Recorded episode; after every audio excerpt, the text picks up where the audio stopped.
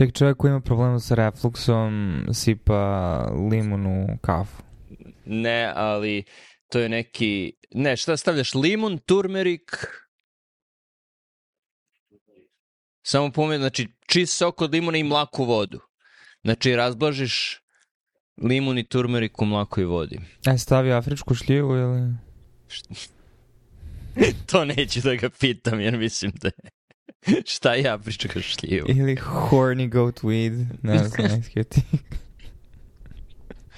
da, da. Imaš to. Ali baš sam jutro čitao ovaj, uh, na Redditu sad kad sam se razbuđivao o, pošto ima subreddit no tropici, onda mi je zanimljivo da bacim pogled sve vreme vreme, naravno sve anegdotalno, ali opet dovoljno anegdota se napravi i generiš hipotezu, ali je zanimljivo koliko ima ono suplemenata koji nisu suplemente, nego su i stvarno psihoaktivni na nekom nivou koji nisu toliko istraživani. Tipa čitava grupa racetama koja se ono, koja već decenijama prisutna, od kojih jedino imamo levetiracetam, barem u našoj kliničkoj upotrebi za epilepsiju, ali gomila drugih koji ima benefiti, često ljudi koji Uglavnom postoje ljudi koji imaju problem ono sa deficitom pažnje i tako dalje, koji kažu da je mnogo bolje nego stimulansi za njih, zato što nije toliko ono, ne dobijaju anksioznost, iritabilnost, ubrzanu srčanu radnju, ali o, imaju ono kognitivne benefite. U svakom slučaju sve to vrlo, znaš, ono, upitno, ali za, zanimljivo bi bilo vidjeti studije na tu temu. Mislim, a to je baš upitno, a ako postoji, znači to su, ovako, da, da rašlemo, to su substance koje su odobrene kao suplementi. Znači, FDA ih priznaje kao suplemente, da, ne? A, pa problem je samo što sada na nivou regulative je jako smanjena distribucija zato što dosta njih je dolazilo naravno iz Kine i sa crackdownom vezanom za kineske kompanije oko proizvodnje drugih stvari poput ono opioida i svega ostalog ne možeš više da ih naručiš, recimo, to se vidio da se ljudi žale. Ne možeš više da nađeš ono distributera koji će da ti proda to. Tako da nije nelegalno posjedovati ih, ali ih je nelegalno distribuirati iz, iz stranih firmi. Pitam zato što, ali se prodaju kao navodno čiste substance, ne kao deo nekog prirodnog suplementa, nije ekstrakt ove biljke ili one biljke ne, u kojoj ima, nego se prodaje da. baš kao ta substanca. Ok, da. zato što znaš da se suplementi drugačije gledaju, da. na, zahvaljujući lobiranju velike suplement mafije, uh, FDA nema puno upliva u to šta se prodaje i koji je sastav itd. itd. I, i, i ono, neki misle da je to dobro jer ono, slobodno tržište šta god, ali je problem što kao što FDA ne kontroliše uh, ono efikasno suplementa i ono na suplementima kada se reklamiraju ne smiju da se reklamiraju da, da pomažu u bilo čemu konkretnom ne, ne može toliko dobro da kontroliše ni, ni kvalitet onoga što se prodaju i tu je problem oko, oko substance koje su kontaminanti. Naročito za, ako je ekstrakt nečega, to je manji problem jer ono,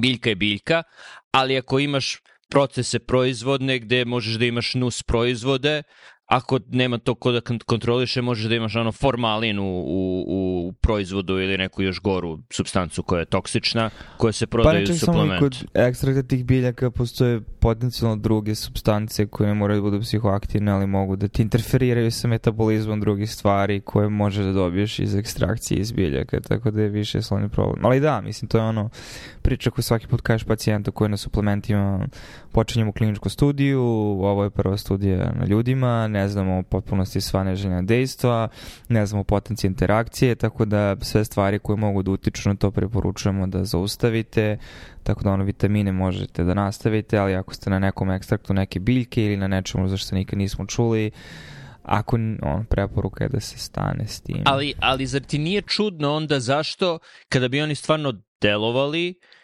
zar ne bi neko to zapakovao kao lek i tako prodavao? Zar, zar ne bi neko istestirao te substance? Za, zašto? Koji je razlog zašto se ne testira? Ili se pa možda to... testira, bilo je negativno? Pa da, ili možda se, ili možda to jednostavno stoji na ono, mislim, mislim to, moj, moj barem neki argument ono možda pocenjivanje, koliko pocenjujemo um, tromost institucionalno i kako već, mislim, kao i u nauci, mislim, naš gomila stvari nije otkriveno ne zato što su ne, potpunosti nedostupne, nego zato što način na koji je problem formalizovan, način na koji je institucionalno pamćenje oformljeno, kak prakse i sve to nemaju, znaš, ko recimo, mene čudi što ja ne vidim svakog dana u New England Journal of Medicine-u, to je svake nedelje zašto ima toliko psihotičnih ljudi na ulicama i koje su to substance. To mi deluje recimo kao stvaran problem. Znači ko, ko, ko, ko god živi u gradu sa visokom urbanom gustinom, pogotovo oni koji imaju veću populaciju beskućnih ljudi, koga god da pitaš, anegdotalno, ali koga god da pitaš, u zadnjih pet godina je primetio da je mnogo više psihotičnih ljudi na ulicama. I ko je razlog za to? Razlog je najverovatnije kombinacija faktora, ali sigurno postoji neki novi farmakološki razlog koji uticao na to da ljudi u odnosu na pre 10 godina sada vrište, pričaju sa sobom i delaju nepovratno. I sada imaš različite priče, da li su novi metamfetamini, da li su, verovatnije, najverovatnije da je nešto iz grupe stimulanata, mm ali znaš, recimo, meni to delo kao jako oče, oče, o, o, o, očigledan javno-zdravstveni problem koji mi ne deluje da se preterno adresira. Možda neko radi negde, ali hoću kažem, nekako mi dela kao ono, što se kaže, low hanging fruit, u smislu da ono, nađeš način da uradiš toksikološke analize, intervjuje sa ljudima i da potencijalno, mislim, utvrdiš šta se dešava, jer ovo je, ono, Pa dobro, Samo ali... vrh ledenog brega mentalne zdravstvene krize u kojoj se nalazimo sada, mislim.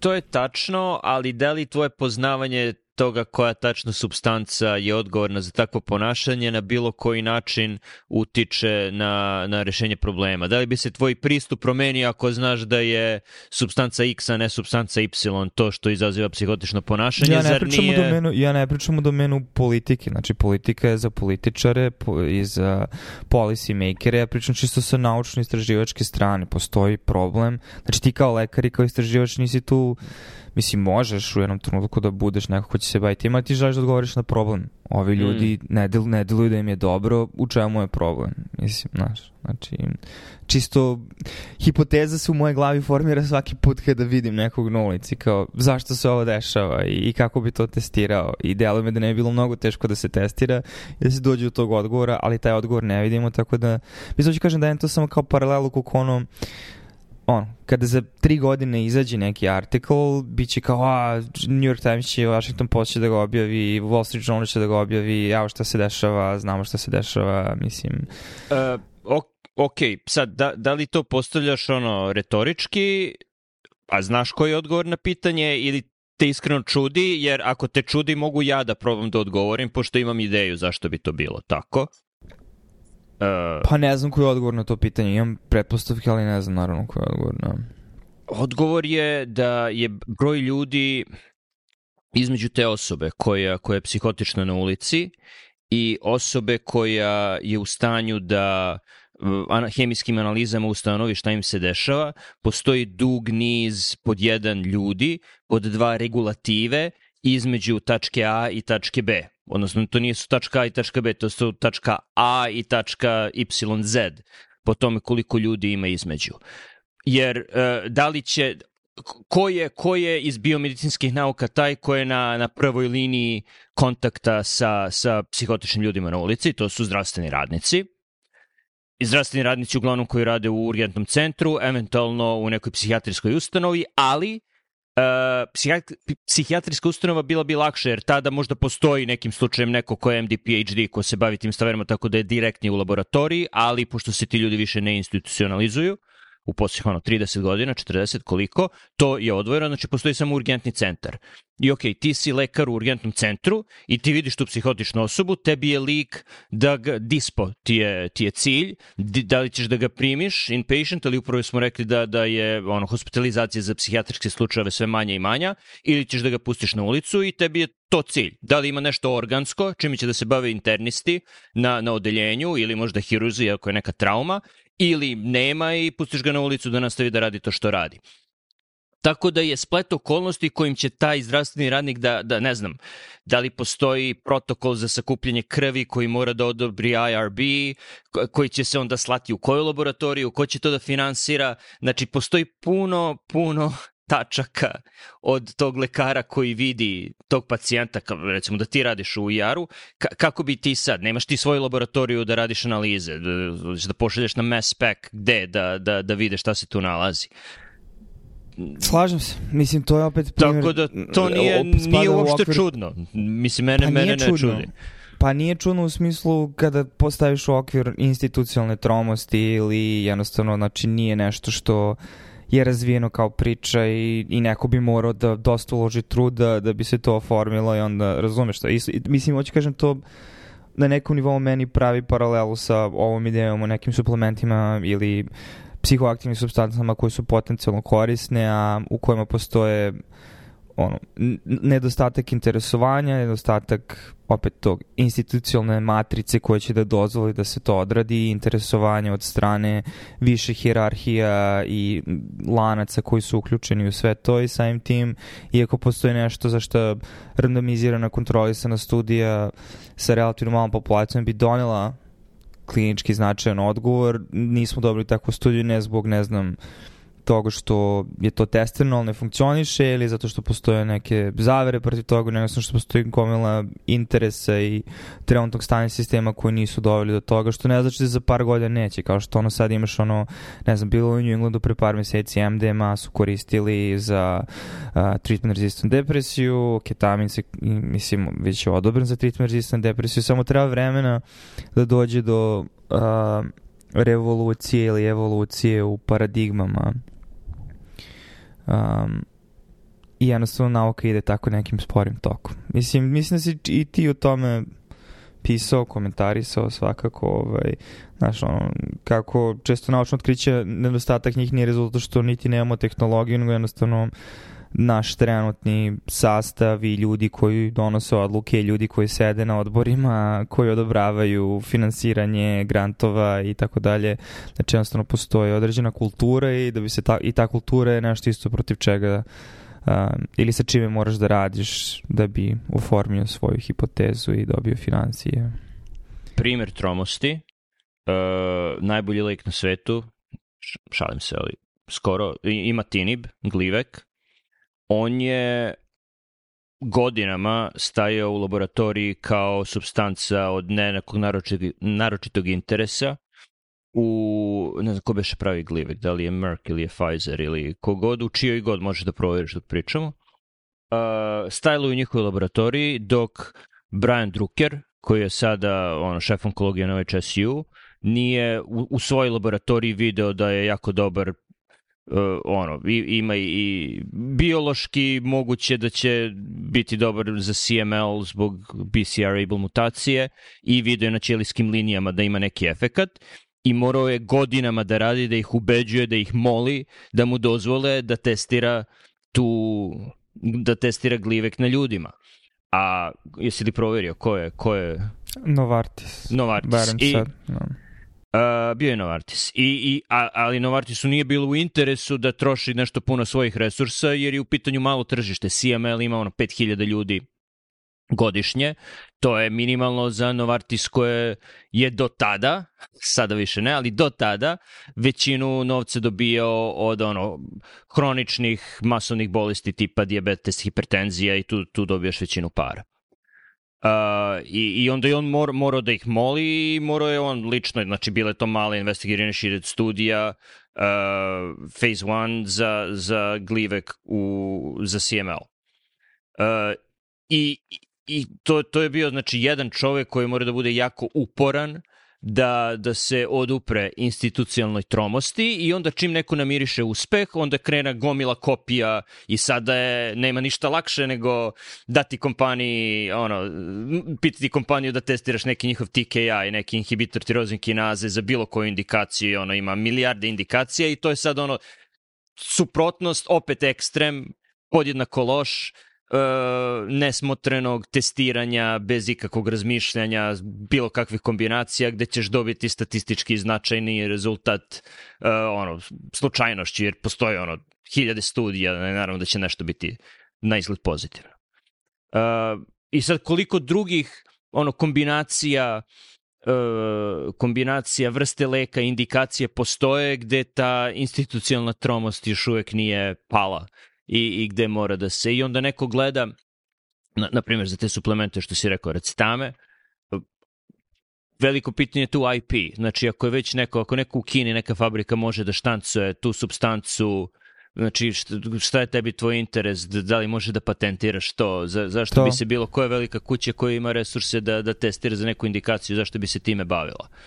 Upravo to. Da, mislim, namiri su si, namiri su si u stvari odakle dolazim. Ne sada da su ti suplementi bogom dani i da ovaj, sada treba da razumeš, znači nije, nije to moja poenta, poenta je da uh, pristupiti na tome, e, ono, malo ta razbijanje neke iluzije tome da je nauka nešto što sistematski se ra, ono, skuplja znanje o svetu, procesira i dolazi do zaključaka, to jeste jedan aspekt nauke, ali opet naukom se bave ljudi sa svim svojim ljudskim osobinama i svim svojim ljudskim nadgradnjama u smislu društvenih ustrojstava, kultura od znači kompanije i šta znači imati IP, da li će to biti profitabilno za kompaniju, do toga da li je to karijerno samoubistvo, da se ti na katedri kao profesor negde baviš nekim drugim istraživanjem koje možda ispada iz okvira onoga što je tu instituciju učinilo um, poznatom i uvek zaboravljamo to da stvari koje su napravile i donele pare najviše i, i, i stavile stvari ono na mapu što se kaže institucije individue su uglavnom bile stvari koje su bile kontraintuitivne je neko ima observaciju koja nije bila u potpunosti u skladu sa stvarima i otvorio čitavo novo polje a onda imaš čitavo ono hype train koji najđe i onda ono imaš diminishing returns kroz vreme zato što ne možeš tim jednim čekićem baš da udariš svaki ekser nego moraš da nađeš neke druge stvari i, i da čitavo taj način na koji radimo nauku je nešto što mislim na duge staze troši mnogo para, resursa, nikad vraćeno vreme, um, ali je jako teško odubrati se tom obrastu jer jednostavno je način na koji funkcioniše ljudska pažnja, jer ono većina, znaš, mnogo ljudi više voli da čuje već da postoje neka polugotova ili gotova ili polusigurna ili sigurna priča, nego da sad ti finansiraš nekoga koji tebi rekao ja sam vidio ovo u laboratoriji, kako ćeš da uvediš nekoga da to ima smisla. Da. No. Da je da razjasnim samo, ja sam rekao prvi IP, a nisam rekao što znači IP, zato što znači dve stvari i čak i u našem uh, jako uskom uh, polju stručnosti IP može da znači dve stvari. U kliničkom protokolu znači investigational product, IP, ali nisam na to mislio, mislio sam na intellectual property, nešto što možeš da patentiraš i od toga možeš da, da zaradiš. Znači IP je intellectual property ili patent. To je IP. Da, tako da hoću kažem da, mislim, postoji potencijalno mnogo, jer ono, znači, mislim da isto šta otičeš na moj okvir svega toga, ne zašto sam ja preterno zainteresovan u psihijatriju i, i javno zdravstvene probleme, ali opet kao lekar i kao ono neko ko, ko se bavi istraživanjem u, u određenoj meri, mislim, stvarati okvir na svet i onda kao pomisliš ovo delo je kao vrlo ono, low hanging fruit. Mislim ali isto kao i ti za svestan svih drugih institucionalnih barijera recimo da ti etički komunitet odobri da ti dobrovoljnim beskućnicima koji su u psihotičnim epizodama, kako, da li ono, pitanje uopšte, da li one mogu da daju informisani pristanak, u kojoj meri, kako je to etički, da to mogu da vidim, pogotovo različite aktivističke grupe koje na to mogu da gledaju neblago naklono, zato što ne. Da. misle da ti na neki način njih eksploatišeš, umesto da pokušaš da odgovoriš na objektivno pitanje i to je ono da sad i sad je to pitanje, znaš, da li kao nauka i kao, znači, ono,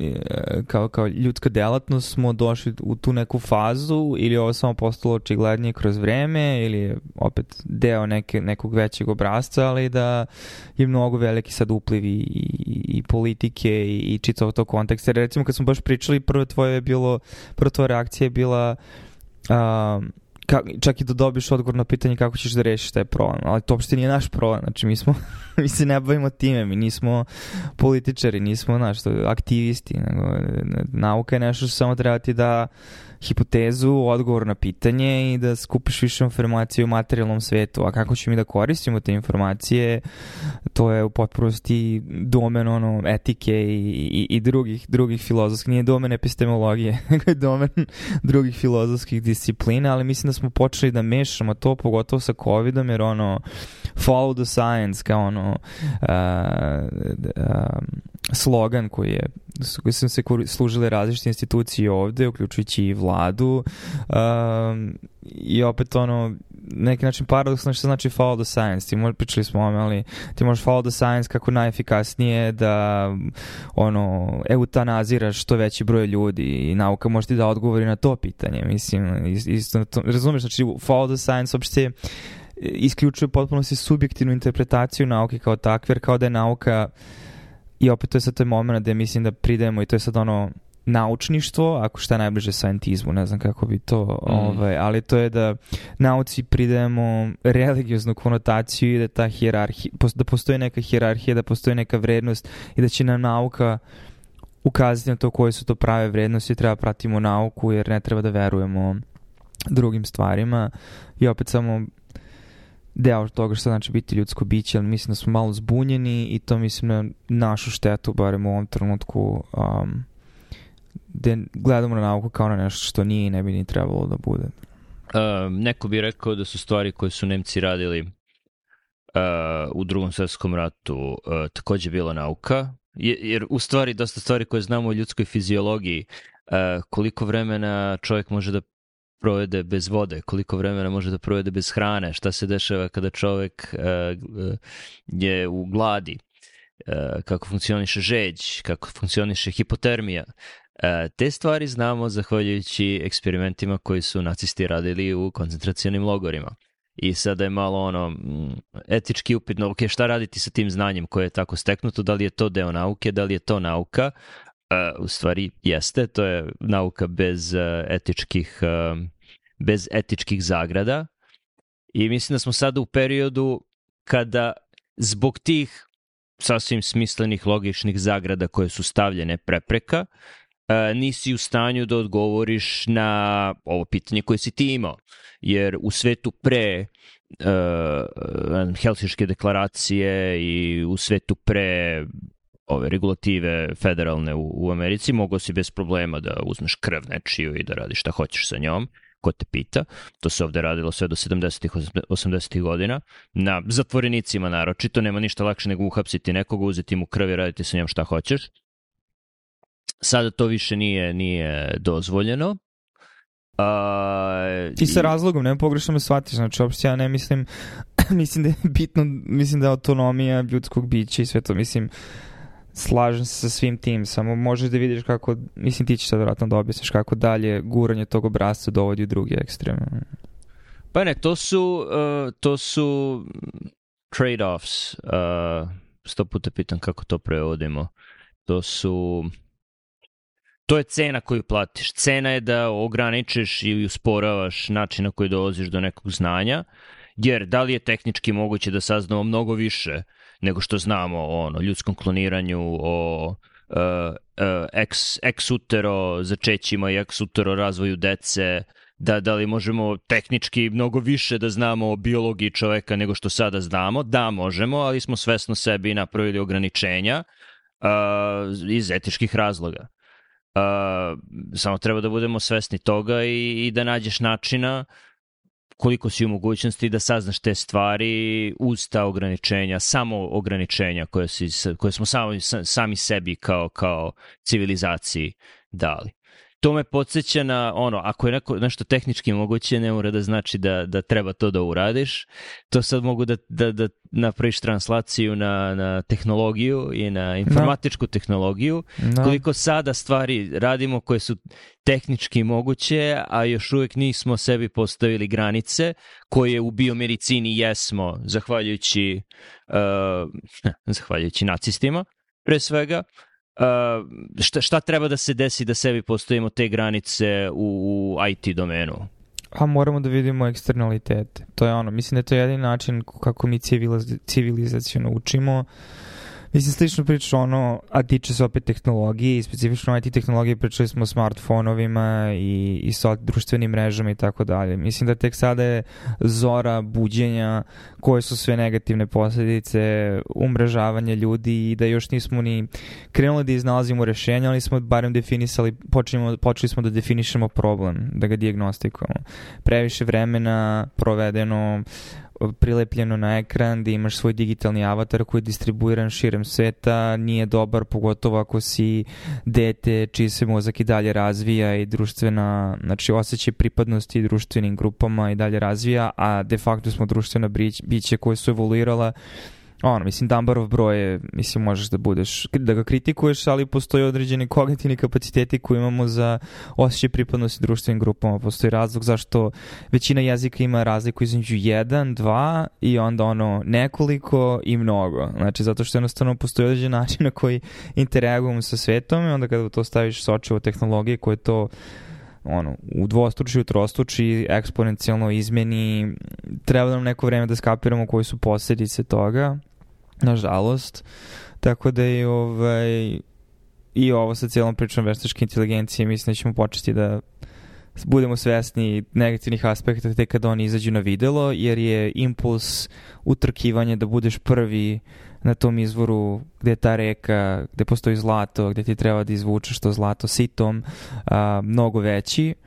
A, jer znaš da je ono u istoriji ljudske civilizacije oni koji su bili na frontieru su oni koji su imali i, i, i najviše rizika, ali i uspeli su da izvuku najviše benefita.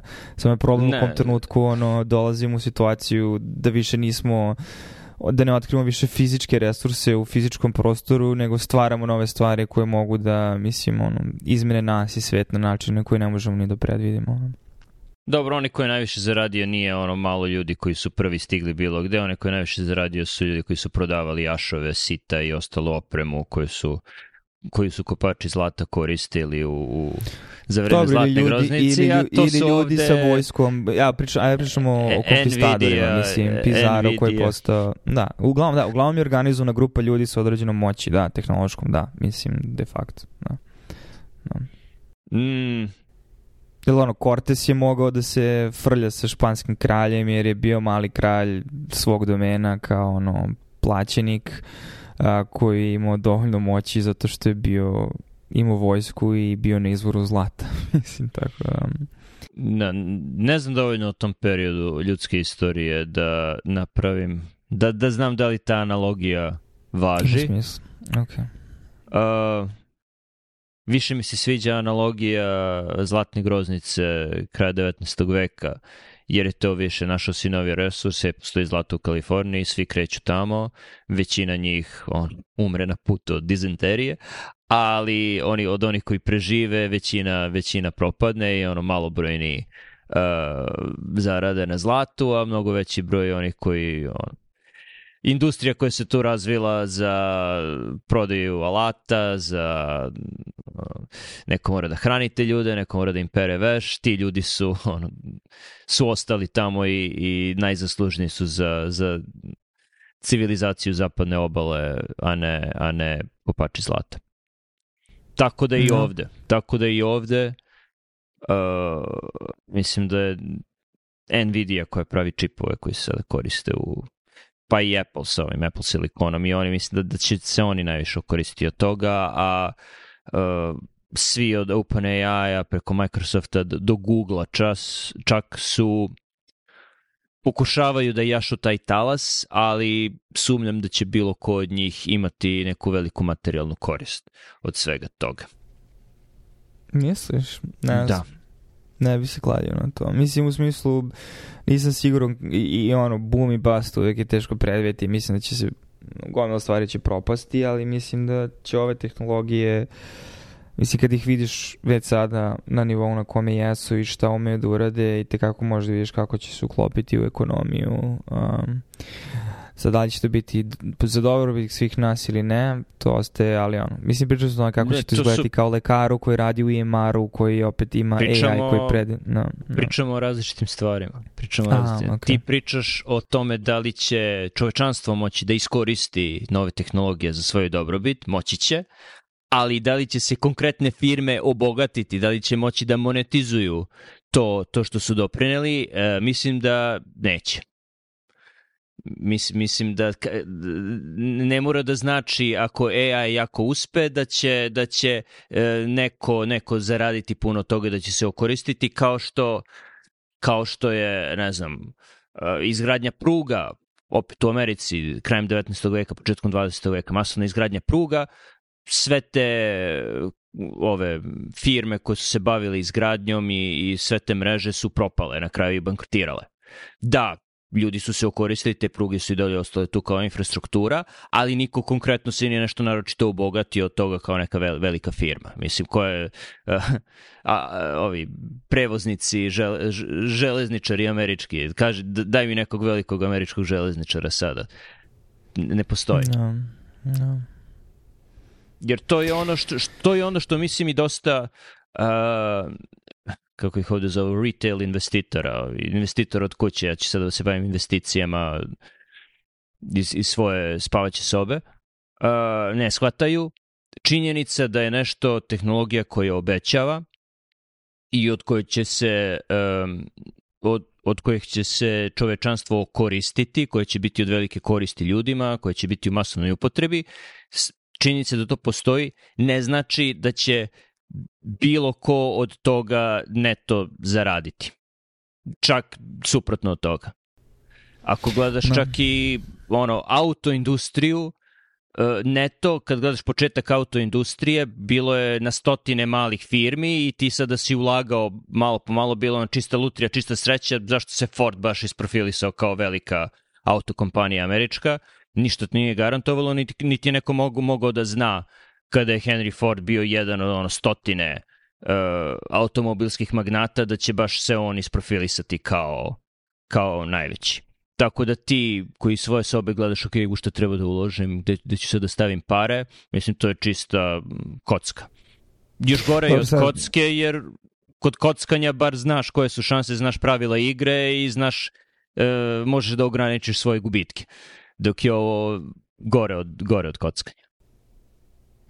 No što zalazimo u, u totalno drugu temu, ove, ali um, opet sad da se iskoristim tvojom ranijom frazom ili izjavom, ja ne znam dovoljno istorijatu auto, auto, moto industrije da znam da, da se Ford nije isticao, jer ono šta ti istorija uči kao, a imaju pokretnu traku, ali ko zna, možda su drugi imali pokretne trake, tako da um, tako da ne znam dovoljno, ali mislim, da, da, ali ajde mislim, ne, ne znam, ako nećeš da završavamo, Znaš, stvar koja mi je pala pamet uvek da se ti koji su bogate su oni koji već, im, već imali uh, uspostavljenu prisustvo u nekom drugom tržištu i onda nađu način da iskoriste svoje kanale distribucije, a pogotovo sa ono IT uh, industrijom je nekako to postalo mnogo lakše i brže, mnogo se brže kompanije preorijentišu na to. Evo daću ti primjer sada, da je, a konkretni primjer, anegdota koja onda ilustruje širu poentu. Uh, ja želim da gledam Mad Men, serija koja je jako dobra, serija koju sam već gledao, serija koju hoću da gledam opet i gledali smo i,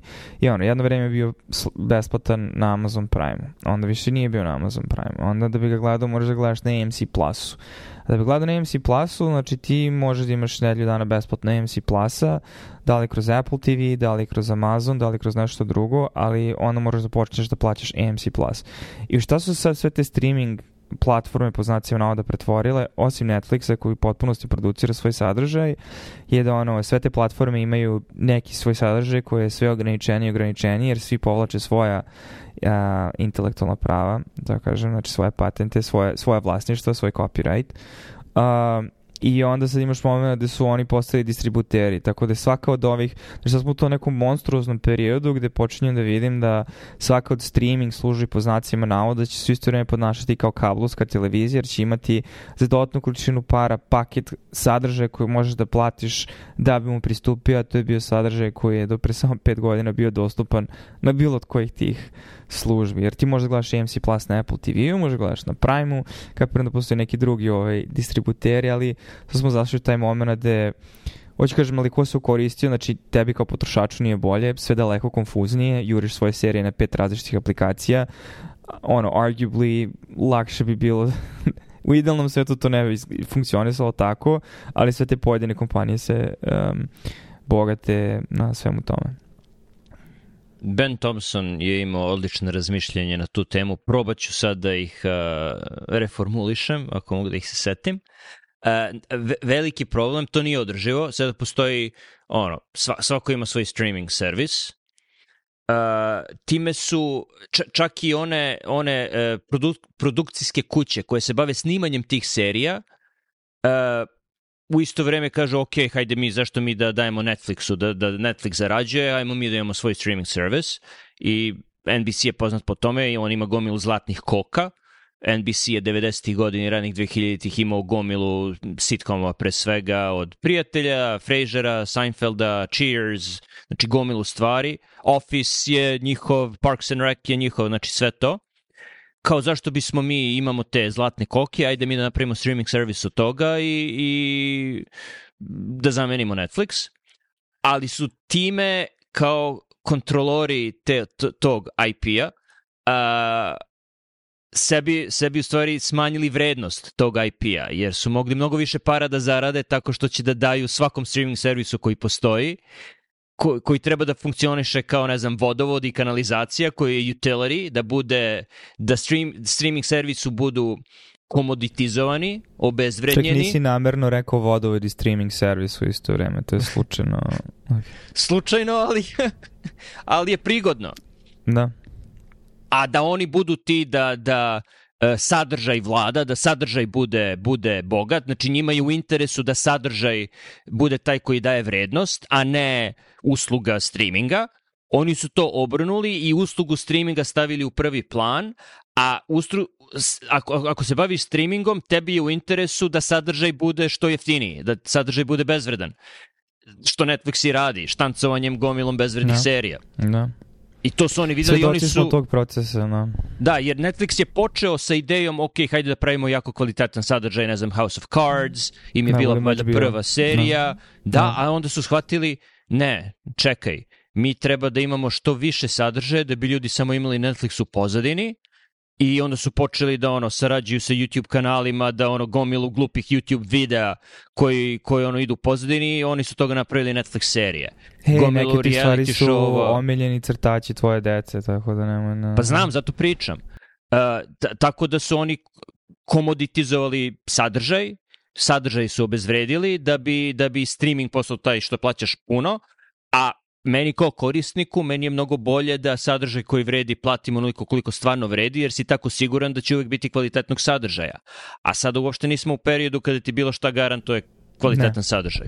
Ne, čak naprotiv, zapravo ti ideš na AMC Plus ne da bi gledao neku novu seriju koju AMC Plus izbacio, nego da bi gledao seriju koju su oni izbacili u totalno drugom modelu uh, monetizacije. Znači, ne u ovom novom streaming distribucija kroz internet na smart TV-u, nego gledaš seriju na kablovskoj i platio si ovaj kanal da imaš pristup njemu. Tako da, bukvalno sad sam u fazonu kupit ću Blu-ray ovaj, player i naručit ću sve te serije koje želim ponovo da gledam i kupit ću ih da ih fizički imam jer ne, neću ni da kupujem od, mislim, digitalne kopije, mm. mislim, no, na kraju možeš i da torrentuješ, ali hoću kažem, osjećaš se, osjećaš se ti kao korisnik jako loše, da što osjećaš da te eksploatiš, mislim da te muzi, na kraju ispadne se ovo što je trebalo da bude jeftinije bolje, naravno da nije, mislim, nego je ispalo skuplje i lošije. Da, neka ti je sa srećom da nađeš Blu, Blu-ray player koji nije 10 godina star. Mislim da niko ih više ne proizvodi. Možeš PlayStation 4 ili 5 da uzmeš kao dobar Blu-ray player. No, no, Možeš PS4 no. Slim kao mali jef, jeftini, pod navodnicima, Blu-ray player da imaš.